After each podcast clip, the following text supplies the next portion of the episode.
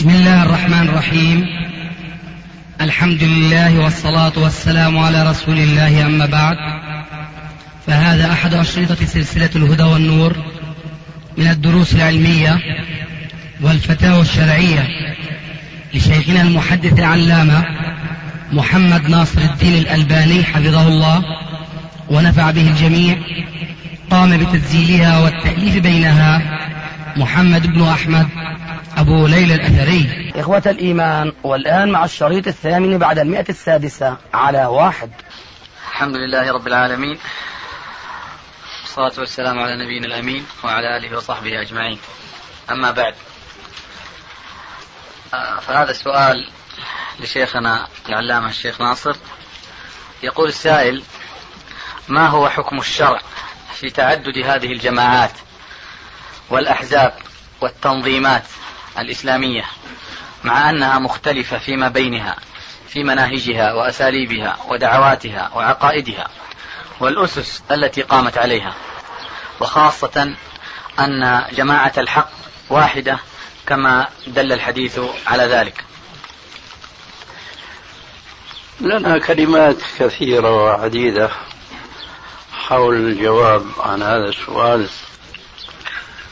ولذلك فنوجد الكلام فيه. فنقول لا يخفى على كل مسلم آه، عارف بالكتاب والسنة وما كان عليه سلفنا الصالح رضي الله عنهم أن التحزب والتكتل في جماعات مختلفة الأفكار أولا والمناهج والأساليب ثانيا آه، ليس من الإسلام في شيء.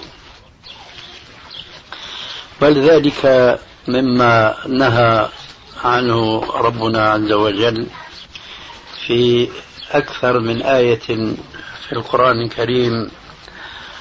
منها قوله عز وجل ولا تكونوا من المشركين من الذين فرقوا دينهم وكانوا شيعا كل حزب بما لديهم فرحون.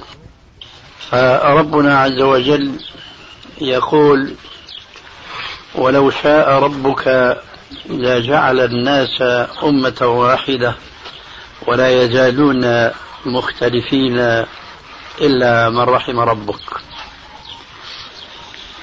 فالله تبارك وتعالى استثنى من هذا الخلاف الذي لا بد منه كونيا وليس شرعيا.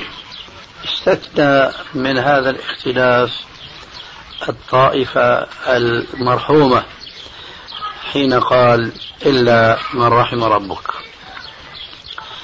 ولا شك ولا ريب أن أي جماعة يريدون بحرص بالغ وإخلاص لله عز وجل في أن يكونوا من الأمة المرحومة المستثنات من هذا الخلاف الكوني أن ذلك لا سبيل للوصول إليه ولتحقيقه عمليا في المجتمع الإسلامي إلا بالرجوع إلى الكتاب وإلى سنة الرسول عليه الصلاة والسلام وإلى ما كان عليه سلفنا الصالح رضي الله عنهم. ولقد أوضح رسول الله صلى الله عليه وآله وسلم المنهج والطريق السليم في غير ما حديث صحيح عن النبي صلى الله عليه وآله وسلم أنه خط ذات يوم على الأرض خطا مستقيما وخط حوله خطوطا قصيرة. عن جانبي الخط المستقيم ثم قرأ قوله تبارك وتعالى وأن هذا صراطي مستقيما فاتبعوه ولا تتبعوا السبل فتفرق بكم عن سبيله. ثم قرأ عليه الصلاة والسلام الآية الكريمة وأن هذا صراطي مستقيما فاتبعوه ولا تتبعوا السبل. فتفرق بكم عن سبيله ومر بإصبعه على الخط المستقيم وقال هذا صراط الله. وهذه طرق عن جوانب الخط المستقيم. قال عليه السلام وعلى رأس كل طريق منها شيطان يدعو الناس إليه.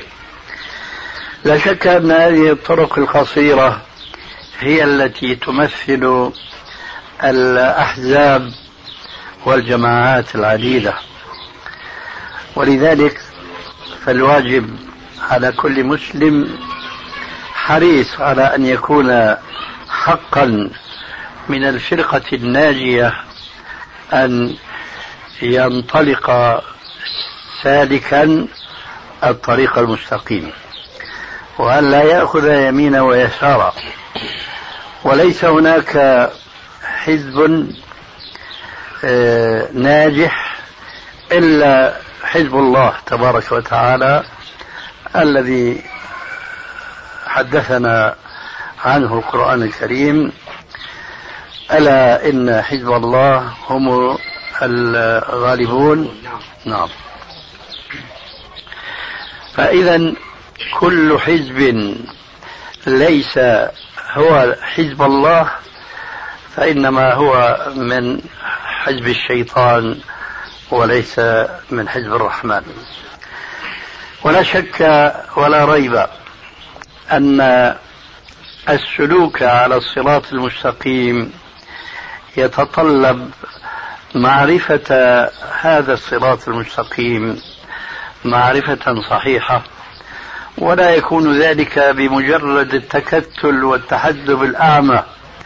على كلمة هي كلمة الإسلام الحق لكنهم لا يفقهون من الإسلام إلا شيئا قليلا. فلا يكون التحزب التحزب الصحيح الفالح إلا بمعرفة هذا الإسلام كما أنزله الله تبارك وتعالى على قلب محمد عليه الصلاة والسلام. لهذا كان من علامة الفرقة الناجية التي صرح النبي صلى الله عليه وآله وسلم بها. حينما سئل عنها فقال هي ما أنا عليه وأصحابي. فإذا هذا الحديث يشعر الباحث الحريص على معرفة صراط الله المستقيم أنه يجب أن يكون على علم بأمرين اثنين هامين جدا جدا. الأول ما كان عليه الرسول صلى الله عليه وآله وسلم والآخر ما كان عليه أصحابه. عليه الصلاة والسلام.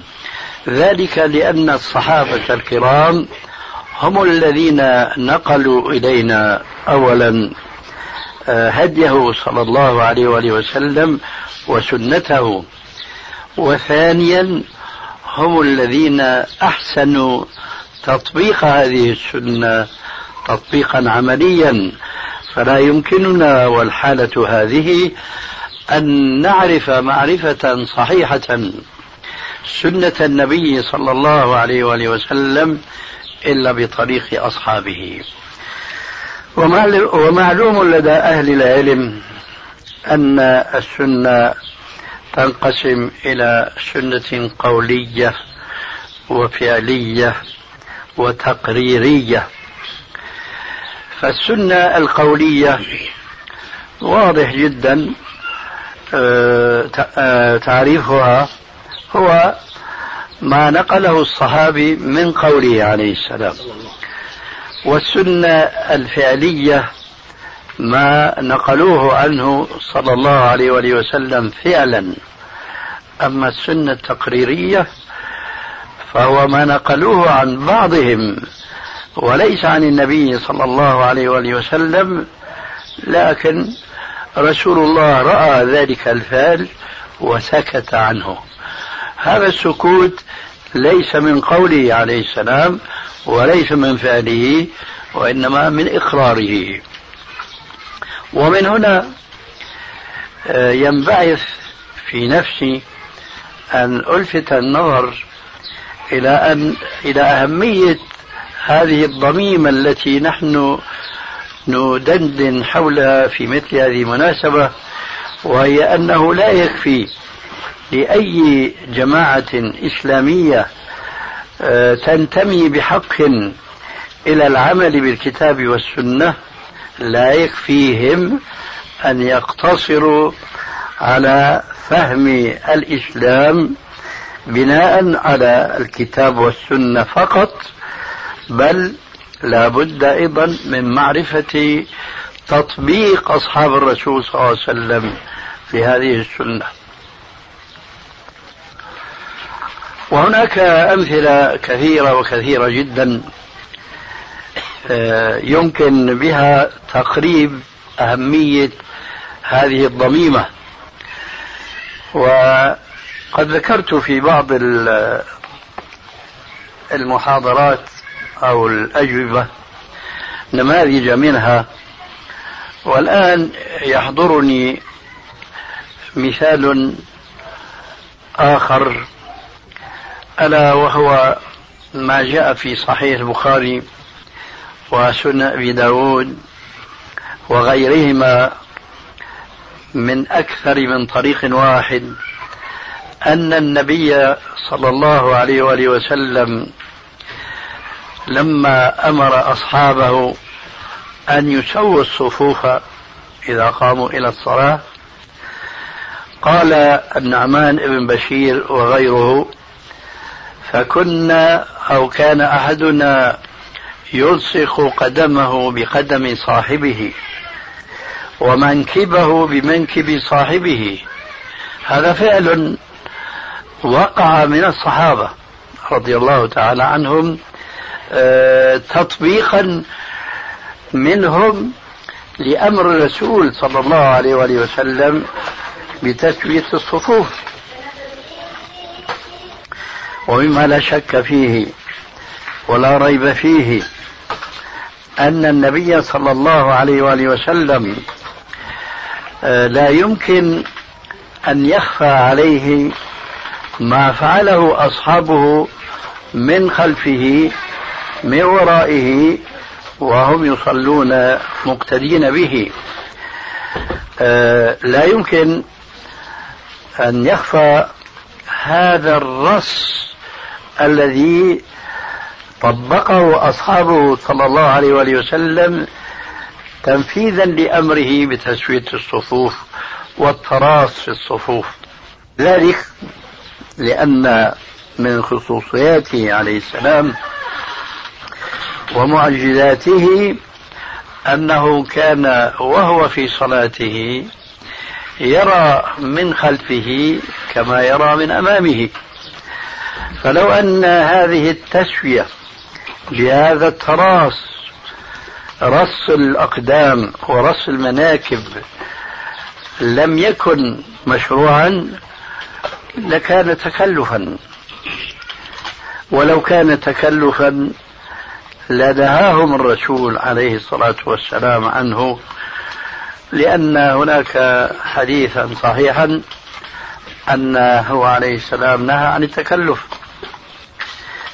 وإن قيل إنه من الممكن أن يخفى ذلك على النبي صلى الله عليه وآله وسلم فأنا أقول باب الإمكان واسع جدا لكن ما نحن فيه ليس من هذا الباب لسببين اثنين. ذكرت أحدهما آنفا وهو أن النبي صلى الله عليه وسلم كان يرى من خلفه كما يرى من أمامه. والسبب الثاني وهو الأهم أنه إن فرض أن النبي صلى الله عليه وآله وسلم لم يشهد هذا الأمر الذي فعله أصحابه خلفه في الصلاة. فرب الرسول صلى الله عليه وسلم لا تخفى عليه خافية في الأرض ولا في السماء. فما قلناه آنفا عن رسول الله صلى الله عليه وسلم وليس له من الوظيفة إلا التبليغ عن الله عز وجل. فبالأولى والأحرى أن يقال ذلك عن رب الرسول تبارك وتعالى فيقال إذا كان ربنا عز وجل كما أشرنا إليه آنفا اقتباسا من القرآن لا تخفى عليه خافية في الأرض ولا في السماء وكان الله عز وجل لا يريد أن يشرع لعباده المؤمنين هذا التراص في الصفوف لا أمر نبيه صلى الله عليه وسلم أن ينهاهم عن هذا التكلف. إذا لا ينبغي أن يتصور المسلم سكوته عليه السلام عن شيء إلا وربنا عز وجل مطلع عليه وبالتالي إقرار الله لنبيه على هذا هو تشريع. من هنا نتوصل إلى الإشارة إلى بعض المسائل التي جرى الخلاف فيها قديما في بعض الأحكام الفقهية. بين الحنفية والشافعية حيث إن أحد الفريقين يحتج بما وقع في عهد النبي صلى الله عليه وآله وسلم فيرد الآخر بأن هذا الذي وقع ليس فيه بيان أن النبي عليه الصلاة والسلام اطلع عليه حتى يقال إنه اطلع فأقره. بما سبق من الكلام يرد على هذا الرد من بعض المذهبيين. أضرب لكم مثلا أو أكثر. جاء في صحيح البخاري أن معاذ بن جبل رضي الله تعالى عنه كان يصلي صلاة العشاء الآخرة. وراء النبي صلى الله عليه وآله وسلم في مسجده ثم ينطلق إلى قبيلته فيصلي بهم الصلاة نفسها. يقول راوي الحديث وهو جابر بن عبد الله رضي الله تعالى عنه هي له نافلة وهي لهم فريضة. فاستدل بعض الأئمة المتقدمين بهذا الحديث على جواز صلاة المفترض وراء المتنفل. فرد ذلك بعض المذهبيين بأن هذا لا حجة فيه لأنه ليس فيه أن النبي صلى الله عليه وآله وسلم كان يعلم أن معاذا بعد أن يصلي خلفه يعود إلى قبيلته فيصلي بهم نفس الصلاة هي له نافلة وهي لهم فريضة. أظنكم الآن تعرفون الجواب. لأننا نقول إن كان رسول الله صلى الله عليه وآله وسلم لا يعلم حقيقة أن معاذا كان يعيد هذه الصلاة تنفلا فربنا عز وجل كما قلنا آنفا يعلم السر وأخفى فلو كان فعل معاذ غير مشروع لا جاء الحكم من السماء ببيان عدم شرعيته. ومثال آخر ونقتصر به وأعدد الأمثلة لأهمية هذه الملاحظة والتي قلما نجدها آه، فصيحة مبينة في كتب العلماء. جاء في مسند الإمام أحمد ومستدرك الحاكم وسنن البيهقي وغيرها من كتب السنة. عن جابر أيضا رضي الله تعالى عنه قال غزونا مع رسول الله صلى الله عليه وآله وسلم غزوة أصبنا فيها امرأة من المشركين أي قتلناها وهنا جملة معترضة أرجو أن تكون قصيرة. لا يخالف هذا الحديث الحديث الذي فيه أن النبي صلى الله عليه وسلم نهى عن قتل النساء والصبيان. لأن النهي محله في مكان وهذا القتل الذي ذكر في حديث جابر له محل آخر. النهي ينصب على قتل النساء اللاتي لم يشتركن في قتال المسلمين. والقرينة على ذلك والصبيان أن الصبيان ليسوا من المقاتلة. وعلى هذا فقول جابر رضي الله تعالى عنه أصبنا فيها في تلك الغزوة امرأة من المشركين يعني أنها كانت من المقاتلة. قال وكان زوجها غائبا. فلما رجع وأخبر الخبر حلف أن لا يدخل القرية إلا بعد أن يثأر لها ثأرا من أصحاب رسول الله صلى الله عليه وسلم. فتتبع آثار الصحابة. ومعلوم أن العرب كانت عندهم هذه المعرفة تتبع الآثار التي بها وصلوا إلى اكتشاف مأوى الرسول في الغار يوم عزم على الهجرة من مكة إلى المدينة. فالأثر دلهم أن الرسول عليه السلام وصل إلى هذا المكان لأنه انقطع الأثر لكنهم أعمى الله بصرهم فلم يروا الرسول عليه السلام وصاحبه في الغار بينما صاحبه رأى أقدام المشركين فخشي ليس على نفسه خشي على نبيه فقال لا تحزن إن الله معنا.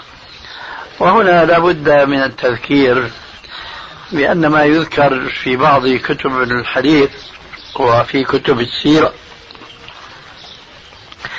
أن الذي صرف كفار قريش بعد أن هداهم تتبعهم للأثر إلى أن المطلوبون أو المطلوبين هما في الغار زعموا بأنهم رأوا الحمامة قد عششت وباضت والعنكبوت أيضا نسج خيوطه فقالوا لا يمكن أن يكون في الغار هنا أحد فانصرفوا. هذا لم يصح على طريقة أهل الحديث لم يصح أولا. ثم هناك رواية آه، قوية بأن الله عز وجل آه، أمر ملكا بأن يغطي بجناحه فم الغار. ولذلك لم ير لم يروه. فالشاهد أن ذلك المشرك تتبع آثار الجيش الغازي لتلك القرية فوصل إلى المكان الذي كان قد أدركهم المساء فنزلوا في واد وحسب النظام العسكري النبوي قال عليه الصلاة والسلام لأصحابه من يكلأنا الليلة فقام رجلان من الأنصار شابان أحدهما من الأوس والآخر من الخزرج فقال نحن يا رسول الله. قال لهما كونا على فم الشعب. فانطلقا. والمشرك يراقبهما. يريد أن يستغل الفرصة للوفاء بنذره أن يأخذ بثأر زوجه. ولما وصل إلى المكان الذي هو موضع حراسة الجيش النائم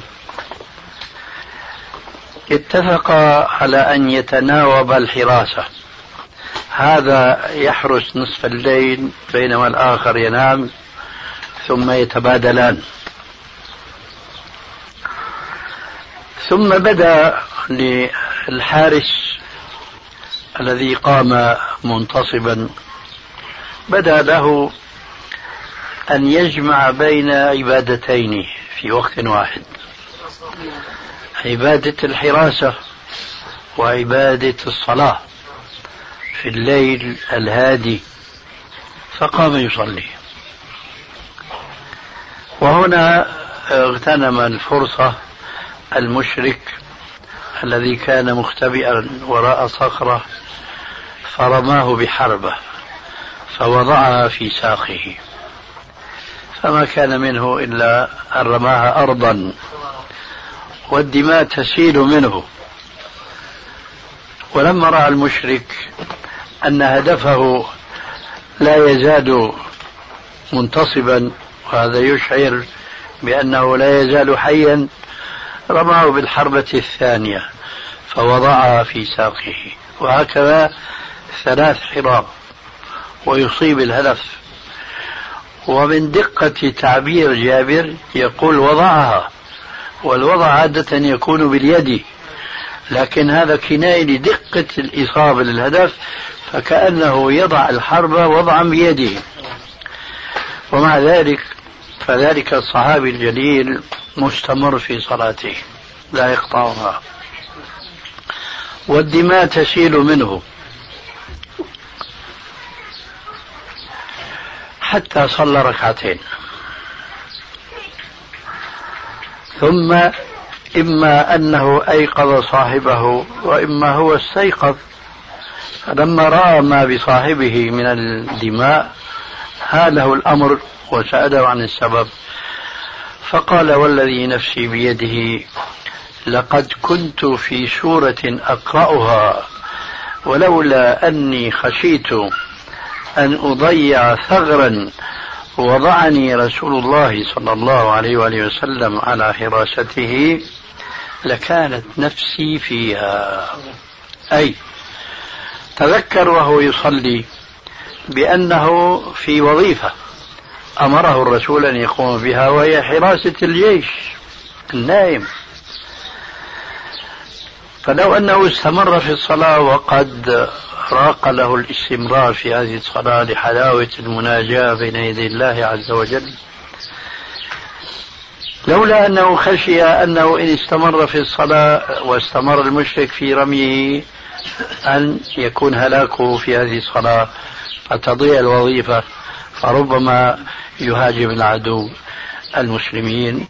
ولذلك هو قنع من الصلاة بركعتين ولم يقنع بذلك خوفا من الهلاك لا وإنما خوفا من هلاك الصحابة فيما إذا هو مات وغدر بهم العدو.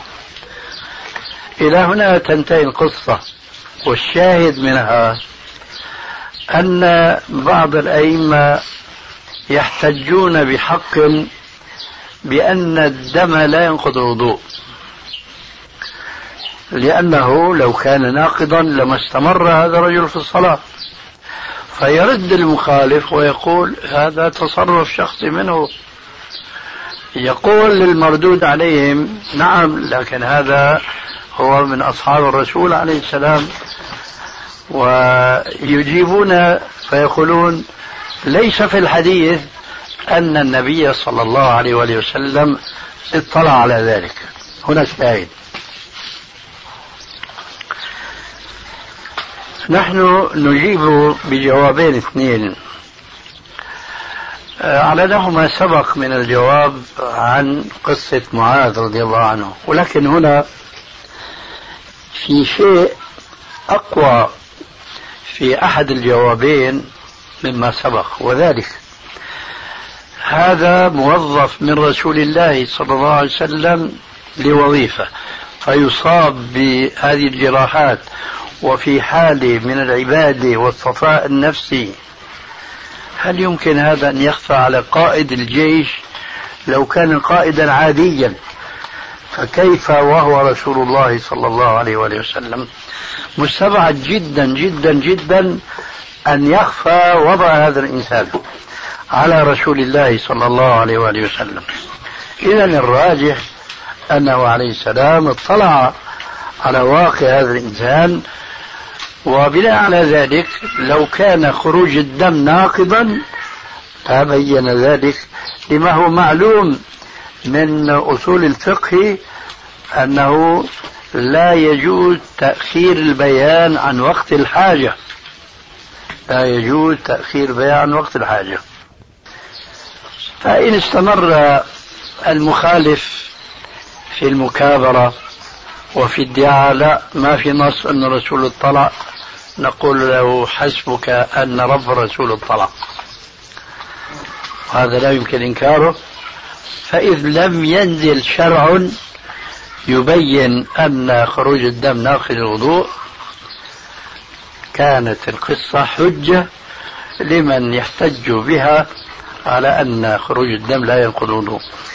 الشاهد من هذا ومن ذاك أن فهم الإسلام فهما صحيحا لا سبيل إليه إلا بمعرفة سيرة الصحابة وتطبيقهم لهذا الإسلام العظيم الذي تلقوه عنه صلى الله عليه وآله وسلم إما بقوله وإما بفعله وإما بتقريره. لذلك نعتقد جازمين أن كل جماعة لا تقوم قائمتها على هذا الأساس من الكتاب والسنة ومنهج السلف الصالح. دراسة آه، واسعة جدا محيطة بكل أحكام الإسلام كبيرها وصغيرها أصولها وفروعها فليست هذه الجماعة من الفرقة الناجية ومن التي تسير على الصراط المستقيم الذي أشار إليه الرسول صلى الله عليه وآله وسلم في الحديث الصحيح. وإذا فرضنا أن هناك جماعات متفرقة في البلاد الإسلامية على هذا المنهج فهذه ليست أحزابا وإنما هي جماعة واحدة ومنهجها منهج واحد وطريقها طريق واحد فتفرقهم في البلاد ليس تفرقا فكريا عقديا منهجيا وإنما هو تفرق بتفرقهم في البلاد. بخلاف الجماعات والأحزاب التي تكون في بلد واحد ومع ذلك فكل حزب بما لديهم فرحون. هذه الأحزاب لا نعتقد أنها على الصراط المستقيم بل نجزم بأنها على تلك الطرق التي على رأس كل طريق منها شيطان يدعو الناس إليه. ولعل في هذا جوابا لما سبق. لهذا الشريط لأنه ما أدري ماذا أقول. يلتقي معك أو تلتقي معه. وسواء كان هذا أو ذاك. المهم أن نعرف الجواب عن الحديث الذي أنت جنحت إليه آنفا. ومثل ذلك وإن كان في فارق بعض الشباب ينكر على من يقوم للقادم. فإذا كنا في مجلس وقدم أحد فقمنا للسلام عليه أنكر ذلك وذكر الحديث الوارد فيه. مع أن أن هذه المسألة وإن كنت لا أقول إنها موضع اتفاق لكن الأقرب أنه يجوز إذا ما كان هذا إن كان هذا على سبيل الإكرام للقادم ويعجبني في هذا المجال فتوى سماحة الشيخ عبد العزيز بن باز وقد سئل عن المسألة فقال إن هذا من مكارم الأخلاق. فما دامت عادة أهل البلد القيام للقادم لمصافحته والترحيب فيه وعرض المجلس الذي أنت فيه عليه يعني تفضل في مكانه فهذا من مكارم الأخلاق التي لا يظهر والله تعالى أعلم مانع منها اسمح لي شيخنا قبل. لأنه أنا الآن هيك دخلنا مثل ما بقولوها التسجيل يعني بدون, بدون مقدمة. شو بتريد؟ بدون مقدمة شيخنا. أوضحها أنا قبل هذا. يعني في التسجيل عندي لما الآن ببدأ التصبير يعني بناء على الكلام اللي تحدثتوه ممكن مع بعضكم الآن في السيارة موجز يكون مسجل عندي وبعدين هذا استمعنا إليه. على كل حال الأخ أبو حذيفة هو هذا الحديث كان من أجله. الذي كان أنا عرفتك هنا. قفزت إلى. لعلك من أهل الخطوة بقى. أنت سمعت الشريط؟ آه سمعت. طيب. وفهمته؟ تقريبا. أنا أريد تحديدا. آه فهمت. فهمت؟ أي نعم. تحديدا. أي نعم. طيب. تحديدا. إيش رأيك فيه؟ في ظني جعل القيام من باب العادة أكثر من هو من باب الشرع. السؤال إيش رأيك فيه أصاب أم أخطأ؟ في آه، على ما حسب ما أعرف أنه يا أخي أخطأ. كل واحد بيتكلم حسب ما يعرف. أي نعم أنه أخطأ. ما أدري لماذا الناس بيعملوا الركيزة هي. أي نعم. يعني دائما لما بنسأل الشخص عن رأيه بيقول حسب ما أعلم. إذا كان حسب ما أعلم أنا هو المتكلم حسب ما يعلم هو. فإذا ترى أن رأيه صواب. غير صواب. غير صواب. أي نعم. طيب ألا يلتقي هذا مع حديثك؟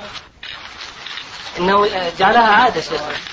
القيام جعلها على حسب تعارف السلام. ورحمة الله وبركاته. آه، ما الذي جعله عادة؟ ما هو الشيء الذي جعله عادة؟ جعل القيام لل... للقادم جعل عاده على حسب ما تعرف عليه أهل ذلك البلد. حسن. أي نعم. فأنت ماذا تريد؟ انها تقيد بقيود. لا يعني ما يقابل العادة يقابل العادة العبادة أي نعم. فهل تريد أن تجعلها عبادة؟ آه، قد يكون في قيام لشخص لا في بلاش قد لأنه قد تقابل بقد أخرى. ليس على اطلاقه يعني, اذا يعني مثال للتشكيك في الموضوع. أي نعم. أحد شيئين. هو قال عادي. فأنت قلت أنه في وجهة نظرك أخطأ. فيقابل كون عادي عبادة. أي نعم. هل أنت تريد أن تقول إن القيام القادم عبادة؟ لا ليس على إطلاق. آه، يا أخي إذا أفهم من كلامك عبادة لكن بقيد. بقيد أي نعم. فهي إذا عبادة. م- مقيدة. أنا قلت لك هذا. أي نعم. يعني قبل كل شيء نريد أن نفهم في وجهة نظرك أنها عبادة. أي نعم. لكنها بقيد أي نعم. ترى هو يطلق هذه العادة ولا يضع لها أيضا بعض القيود؟ ولا ولا بد؟ على حسب ما سمعنا ما ما قيدها. لا صح على حسب لكن أي نعم. المفروض إنه ما في شيء هيك عايم مطلق. أي آه. طيب المهم هلا نتفاهم معك في الموضوع. ما هو الدليل على كون هذا الشيء عبادة؟ ثم نسمع منك القيد. آه، نهي النبي عليه الصلاة والسلام. آه، نهي النبي. نحن نقول ما هو الدليل على كون هذا الشيء عبادة؟ ثم نسمع منك القيد الذي تريد أن تقيده. أنا أقصد عدم القيام شيخنا. مش القيام نفسه. يعني آه، إذا أنا فهمتك خ- خ- خطا. خير. لا ليس مجرد القيام عبادة. لا ما أقول بهذا ابدا. إذا لا لا. ما أقول بهذا أنها عبادة. أما أنا قلت بعدم القيام. بعدم القيام للنهي الوارد في ذلك. وعليكم السلام ورحمة الله وبركاته. إذا كان من شخص فيه كبر فقد نهينا على أن نقوم له. أي نعم. نعم نعم. هذا اللي هذا فهمي. ممكن فهمتك خاطئا إن شاء الله. بيجوز أي نعم.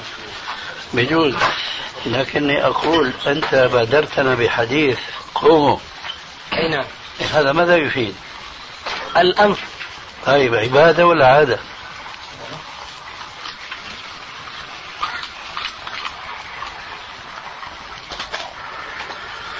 يا الله يا كريم توقف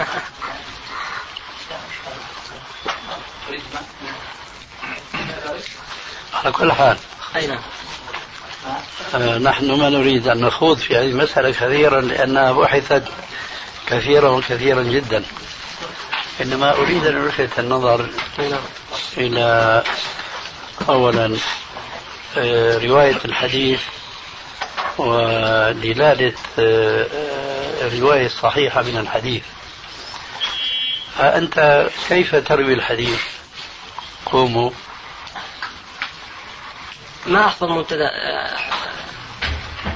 الحديث ما لفظه قوموا لسيدكم. آه. هل يختلف الأمر عندك بين قوموا لسيدكم وقوموا إلى سيدكم؟ هل فرق هناك بين هذه العبارة وبين العبارة الأخرى التي أفترضها؟ بين قوموا لسيدكم وقوموا إلى سيدكم. هل تشعر معي بأن ثمة فرقا بين العبارتين؟ كأنه أي نعم يوجد ثمة فرق؟ ما الفرق؟ آه، قوموا لسيدكم. آه، أصبح القيام من أجل السيد. وقوموا إلى سيدكم. قد يكون لأمر آخر غير غير القيام ب ب بمعاومة هذا السيد. أحسنت أي نعم فإذا كان الحديث قوموا إلى سيدكم فهل له علاقة بالقيام؟ المبحوث فيه الآن. أي نعم. لا لا. إذا على الرواية إلى لا ليس له علاقة بالقيام. وإيش رأيك حينئذ أن الحديث هكذا؟ أي نعم. قوموا إلى سيدكم. أي نعم. بارك الله وليس قوموا لسيدكم لسيدكم. أي نعم. اختلفت. ولذلك فلا يجوز إدخال الحديث في هذا الموضوع. أي نعم. واضح؟ واضح جزاك الله خير. ويؤكد ذلك أن الحديث في مسند الإمام أحمد بإسناد قوي كما يقول الحافظ بن حجر قوموا إلى سيدكم فأنزلوه. انتهت. واضح؟ واضح. بارك الله فيك. وفيك بارك.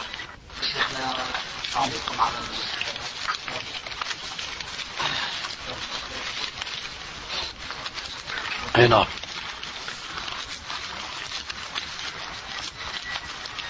تحبوا تسمعوا كلام سلمان ذي العودة بخصوص الصيام؟ قبل هذا قليل قبل قليل يعني قبل قليل. ومثل ذلك وإن كان في فارق بعض الشباب ينكر على من يقوم للقادم. فإذا كنا في مجلس وقدم أحد فقمنا للسلام عليه أنكر ذلك وذكر الحديث الوارد فيه. ومع أن أن هذه المسألة وإن كنت لا أقول إنها موضع اتفاق لكن الأقرب أنه يجوز إلى ما كان هذا إن كان هذا على سبيل الإكرام للقادم ويعجبني في هذا المجال فتوى سماحة الشيخ عبد العزيز بن باز وقد سئل عن المسألة فقال إن هذا من مكارم الأخلاق.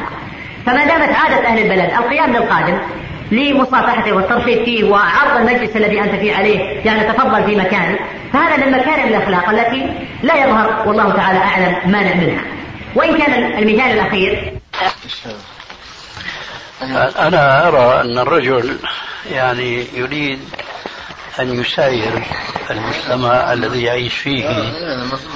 ولا يريد أن يصلح. لا يريد أن يحيي السنة. لا أريد أن أكون أن أريد الإصلاح ما استطعت آه هذا هو. شيخنا هذه مهمة جدا في خلاف الأخوة معهم.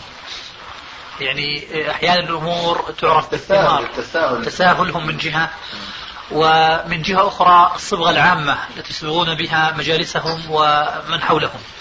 نعم. يعني هذان أمران في ظني من أهم الأمور. هي خفية يعني لا تستطيع أن تمسك عليهم مماسك يعني مثل أن تقول نقطة أو اثنتين أو ثلاثة وهذا ظهر جلي جليا البارحة في الجلسة ومن خلال كلام الأخ خالد. نعم. لكن سبحان الله كما تفضلتم من ثمارهم تعرفهم يعني هذه هي يعني نقطة مهمة. يعني نعم. أنا أقول أن الرجل إذا كان آه، مما يهمه أن يحقق مسألة تناسب ما عنده حقق فيها واجتهد فيها. أما إذا كانت المسألة على خلاف ذلك ولا يناسبه حسب مخططه العام أن يتخذ منها موقفا واضحا مبينا في السنة فهو يميع القول فيها ويضيعه. هو كلامه في مسألة القيام. يقول إذا كانت العادة في البلد القيام من أجل الإكرام فهذا من مكارم الأخلاق. ويحتج بكلام الشيخ ابن باز جزاه الله خيرا. ونحن نقول بهذه المناسبة ما يروى عن الإمام مالك وهو المشهور وروي عن ابن عباس أيضا. ما منا من أحد إلا رد ورد عليه. نحن الآن ننطلق من قاعدتنا السلفية التي ندندن دائما واليوم كنا في هذا الحديث أنه لا يكفي للدعاة إلى الكتاب والسنة أن يقتصروا في دعوتهم على الكتاب والسنة بل لابد لهم من أن يضموا إلى ذلك ضميمة وعلى منهج السلف الصالح. ذلك لأنه لا يستطيع أحد أن يجادل في أن أفضل الأجيال الإسلامية إنما هو الجيل الأول ثم الثاني ثم الثالث. ذلك لأن هذا الجيل الأول تميز بلقائه مع النبي صلى الله عليه وسلم وتلقيه منه الأحكام الشرعية مباشرة ومطبقة عمليا. فالآن نحن نقول بقول العلماء وكل خير في اتباع من سلف وكل شر في ابتداع من خلف. ترى اعتياد إكرام الداخل بالقيام. هل هو الأفضل أم الأفضل ما كان عليه الجيل الأول؟ بل ما كان عليه الرسول صلى الله عليه وسلم أصحابه لا أحد يستطيع أن يجادل أيضا. فيقول لا المسألة هذه تختلف باختلاف العادات والأذواق وما شابه ذلك. فنحن نعود إلى القاعدة وكل خير في اتباع من سلف. هذا أولا. وثانيا لا شك أن النبي صلى الله عليه وسلم هو أولى رجل من بين من يجب احترامهم وتوقيرهم وتعظيمهم بالوسيلة المشروعة. فهل كان أصحابه عليه الصلاة والسلام يكرمونه بوسيلة القيام له؟ الجواب أيضا لا. وهو يعلم هذه الأشياء بلا شك لأنه لا نستطيع أن نفترض أنه لم يمر بكتب السنة الستة على الأقل. وفيها أن النبي صلى الله عليه وسلم آه، كان ينهى الناس أشد النهي أن يقبلوا هذا القيام المعتاد بمثل قوله عليه الصلاة والسلام من أحب أن يتمثل له الناس قياما فليتبوأ مقعده من النار. وعلى ذلك كان رسول الله صلى الله عليه وآله وسلم إذا دخل على أصحابه ما يقوم له أحد. ولقد كان هو أولى من كل الناس الذين آه، يتصور أنهم يعظمون ويكرمون بالقيام. كان عليه السلام بمثل هذا القيام أولى. مع ذلك ما كانوا يقومون له. لماذا؟ لأن العادة كما يشعر هو لأن العادة لم تكن يومئذ أن يقوم الناس لعظمائهم لا. العادة كانت على العكس تماما. ولذلك نهى عليه الصلاة والسلام أشد النهي في الحديث السابق ذكره من أحب يتمثل له الناس قياما فليتبوأ مقعده من النار. إذا كانت العادة يومئذ هو القيام. فما قال الرسول عليه السلام أن هذه عادة وهذه وسيلة للاحترام والإكرام للداخل وللسلام عليه كما يقول هو في اللفظ. بل عليه الصلاة والسلام لم يرضى هذا القيام لنفسه هو ليس كما يقولون من باب التواضع لأن هذا قد يقال فيما هو أهم من ذلك مما نهى عنه الرسول عليه السلام فيتأوله المبتدعة والخلف الطالح يتأولونه بخلاف ما إليه رمى النبي صلى الله عليه وسلم. خذوا مثلا الحديث المتفق على صحته. لا تطروني كما أطرت النصارى عيسى ابن مريم. إنما أنا عبد فقولوا عبد الله ورسوله. تجد شاعرهم البوصيري الذي يتقربون إلى الله بتلاوة بردته وفيها دع ما ادعته النصارى في نبيهم إيش بعدين؟ واحكم بما شئت فيه واحتكمي واحتكمي. دع ما ادعته النصارى في نبيهم. ماذا قالت النصارى؟ عيسى ابن الله. إذا أنت لا تقل محمد ابن الله وما دون ذلك قل ما شئت. الرسول يقول إنما أنا عبد لا تطروني إنما أنا عبد فقولوا عبد الله ورسوله. إذا فسر الحديث بتفسير البوصيري إذا صح التعبير بطل قوله عليه السلام وحاشا أن يبطل قولوا عبد الله ورسوله. هذا أولا. وثانيا لقد ترجم علماء الحديث لهذا الحديث بباب تواضع النبي صلى الله عليه وآله وسلم. وأوردوا الحديث. فإذا فسر الحديث لا تقول محمد ابن الله. وقولوا ما شئتم في مدحه أين التواضع هذا فرض. فرض على رسول الله وعلى من دونه من باب أولى أن لا يبالغوا في إطرائه وفي مدحه ويقول مثل ما قال النصارى في نبيهم. وإنما يصلح أن يترجم لهذا الحديث بباب تواضع الرسول إذا سد باب المدح مطلقا. ووقفنا عندما أمرنا أن نقول عبد الله ورسوله. علما أنه إذا قلنا عبد الله ورسوله فيه بالغ الثناء على الرسول عليه السلام لأنه لولا ذلك ما اصطفاه عبدا ورسولا فنعود إلى ما كنا في صدده. كان رسول الله صلى الله عليه وسلم إذا دخل على أصحابه لا يقومون له كما يقول أنس بن مالك. لماذا يرحمك الله؟ قال لما يعلمون من كراهيته لذلك. إذا إذا رسول الله كان يكره هذا القيام. فكيف يجوز لمسلم أن يتغاضى عن عمل السلف أولا مع نبيهم وهو سيدهم؟ وسيد البشر جميعا. فلا يتخذون هذه الوسيلة إكراما له وهو أحق من يستحق هذا الإكرام بهذه الوسيلة لو كانت مشروعة.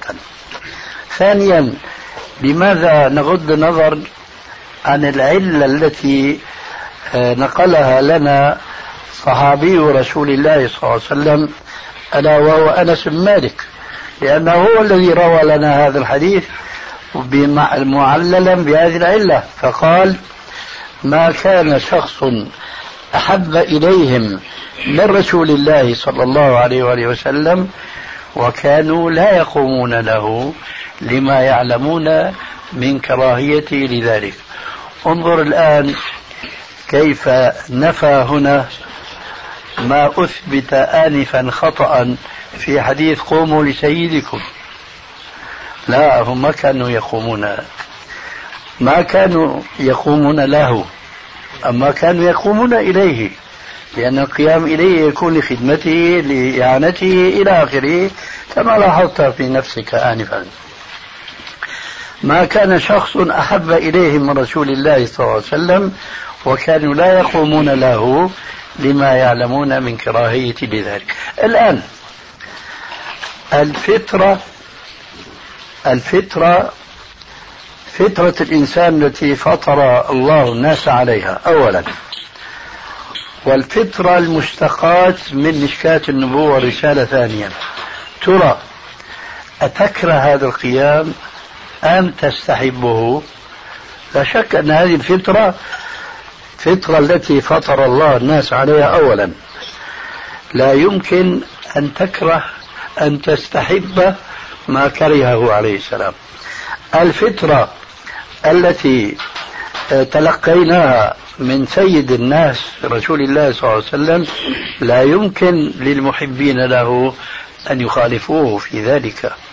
فإذا هذا القيام لا يجوز اعتباره أداة احترام ما دام أنها لم تعتبر كذلك في العصر الأول الأنور هذا من حيث الرواية ومن حيث الفقه والدراية وكما يزعمون من حيث ما يدندنون اليوم ويبالغون فيه ويسمونه بفقه الواقع. ترى هل درسوا أثر اعتياد هذا القيام وتأثيره في واقع الناس أم لا؟ ظني أنهم ضربوا على عن ذلك سطحا. لقد عرف كل الناس الذين يدرسون واقع الناس في كل عصر وفي كل مصر. لقد عرفوا أن هذا القيام أولا هي وسيلة نفاق اجتماعي وليس وسيلة إكرام. بدليل أن المسلم الصالح الدين إذا دخل المجلس لا أحد يقوم له ولا أحد يأبه له. على العكس من ذلك إذا كان هناك شخص وجيه وقد يكون من فساق القوم فتجد الناس يقومون له قيامة إيش هذا القيام؟ يقول لك هذا عادي من باب الإكرام. لماذا لا تكون هذه العادة شاملة لكل مسلم؟ سواء كان ذا جاه أو ليس كذلك. إخوة الإيمان تتمة الكلام في الشريط التالي. لماذا لا تكون هذه العادة شاملة لكل مسلم سواء كان ذا جاه أو ليس كذلك؟ فإذا هذا ليس وسيلة إكرام وإنما هي وسيلة آه، رياء ونفاق. ففي أي مجتمع شاع فيه النفاق بكل أشكاله وأنواعه وأساليبه هو هذا الذي يشيع فيه مثل هذه الوسيلة ثم تسمى لتسليكها ولتبريرها وتسويغها تسمى لعادة آه، من أجل إيش؟ الإكرام والاحترام. هذا شيء شيء ثاني. حينما